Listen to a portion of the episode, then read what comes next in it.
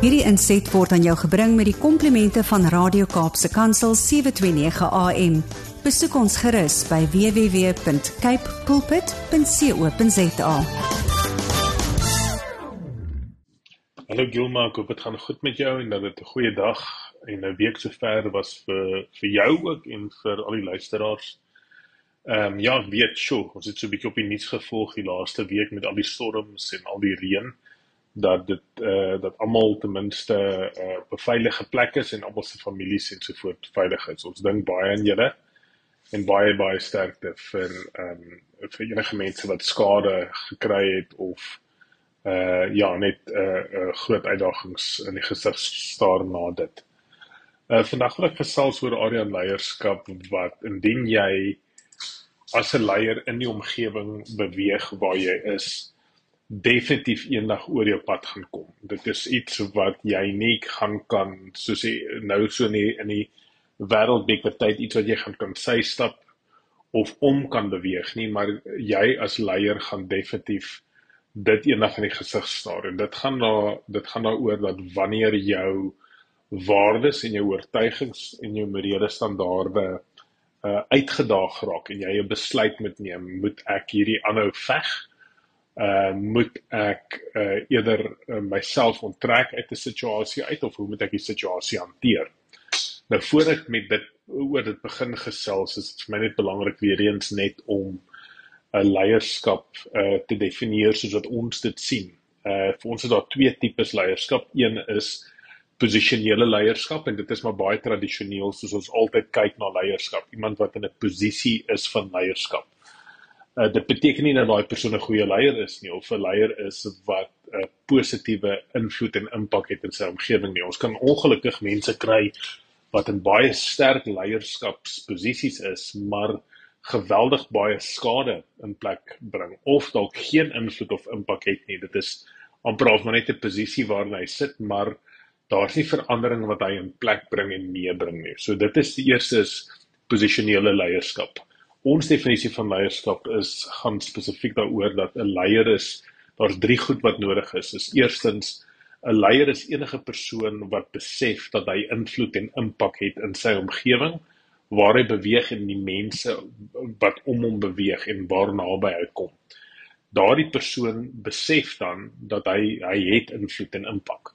So die oomblik as jy besef jy het invloed en impak, moet mense keuse maak of jy of jou impak positief of negatief gaan wees. En dis 'n kognitiewe keuse. Ehm um, leiers en invloedryke leiers los nie dit net uh soos Engels sal sê by chance nie. Hulle is baie intentioneel om te fokus op positiewe invloed en impak te hê waar hy ook al beweeg, so of in die kantoor instap, kyk uit vir mense met wie dit dalk swaar gaan. Vra vir mense hoe gaan dit met hulle? Wees regtig betrokke, wees teenwoordig. So eerste stap net weer vinnig is iemand wat besef hy het invloed en impak. Tweedens om die keuse te maak om positiewe invloed en impak te hê in jou omgewing waar jy beweeg. Of by die skool is, jy alleen by die huis is met 'n kind of dalk met 'n met met 'n oupa of 'n ouma na wie jy kyk, waar jy ook al is, om die keuse te maak om positiewe invloed en impak te hê.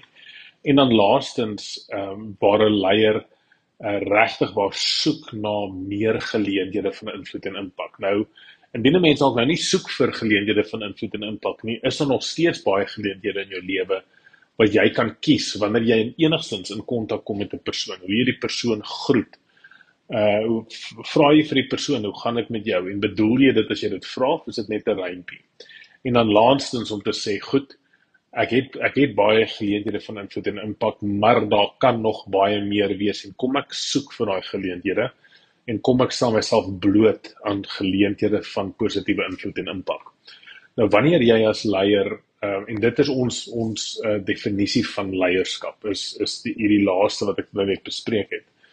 So wat vir my wel belangrik is is wanneer jy uh, 'n uh, leier is en jy's ook in 'n posisie van leierskap. So met ander woorde jy's 'n bestuurder of 'n direkteur of 'n hoofseun of op die leerlingraad of die lederaad in die universiteit uh daar gaan jy definitief uitgedaag raak baie keer met situasies en tye wanneer daar uh keuses gemaak moet raak oor dinge wat jy met wat wat daar 'n botsing is met jou oortuigings en jou waardes en jou morele standpunte oor oor dinge.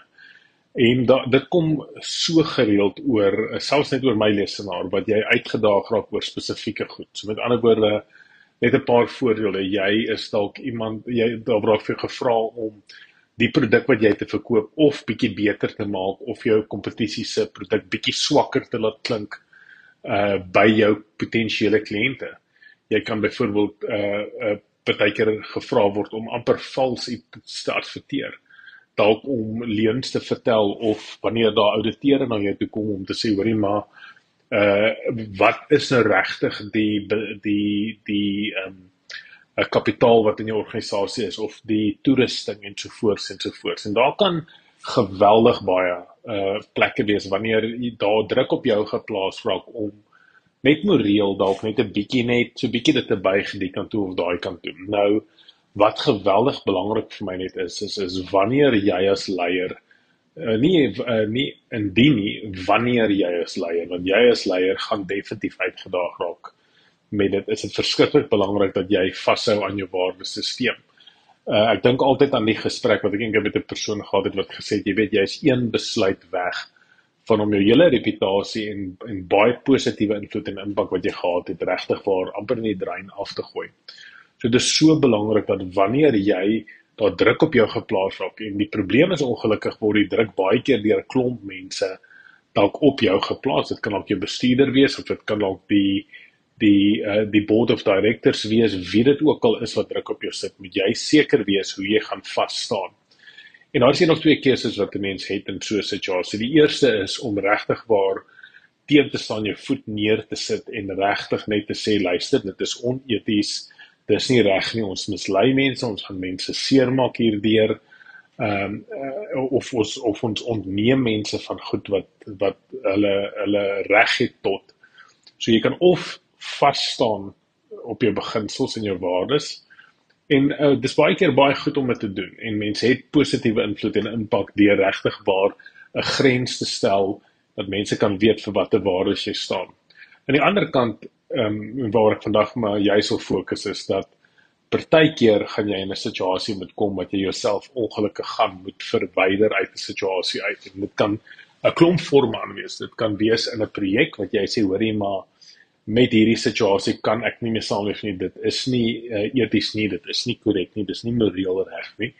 En sê hoor jy gaan jouself van die program afval. Dit kan ook wees dat jy moet bedank by jou besigheid of jou werk waar jy is indien jy nie potensieel hierdie ding vorentoe kan beweeg nie. So dis verskriklik belangrik dat jy as leier en as kind van die Here van die begin af baie duidelik is waarvoor jy staan en waarvoor jy nie staan nie. Uh Dit laat my so 'n bietjie dink aan 'n uh, uh, so leierskapsprogram wat ek eendag bygewoon het waar hulle gesê het uh, right is right even when anyone is against it and wrong is wrong even if anyone is everyone is for it. So met ander woorde reg is reg uh, selfs as almal teen dit is en verkeerd is verkeerd selfs as almal vir dit is. So jy as leier gaan die situasies uh in die gesig staar en dit is so belangrik om vroeg in jou lewe regtig waar te weet dat jy hierdie keuses gaan moet maak. Wat wel net vir ons baie belangrik is en ek sal 'n bietjie meer hieroor volgende week gesels is partykeer is dit ongelukkig nie genoeg net om jouself te verwyder uit die situasie uit nie.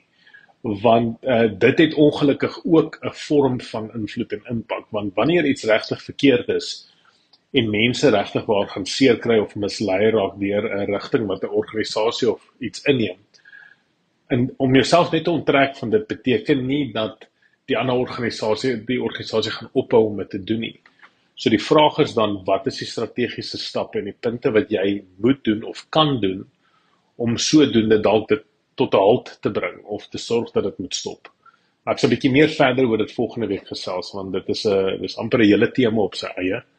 So 'n uh, baie baie sterker uh maak seker dat jy in die begin van jou loopbaan of of op 'n punt en 'n plek en 'n tyd kom wat jy weet daar is sekere uh waardes en morele standaarde wat jy nie gaan oorskry nie en maak seker dat uh jy van die begin af uh, baie vas staan vir dit wat jy oortuig is en dit wat jy in glo. Ons bid baie vir julle baie baie sterkte Uh mag dit 'n goeie dag en 'n goeie week wees en baie baie sterkte met die koue en al die reën ons bid baie vir julle totsiens. Hierdie inset was aan jou gebring met die komplimente van Radio Kaapse Kansel 729 AM. Besoek ons gerus by www.cape pulpit.co.za.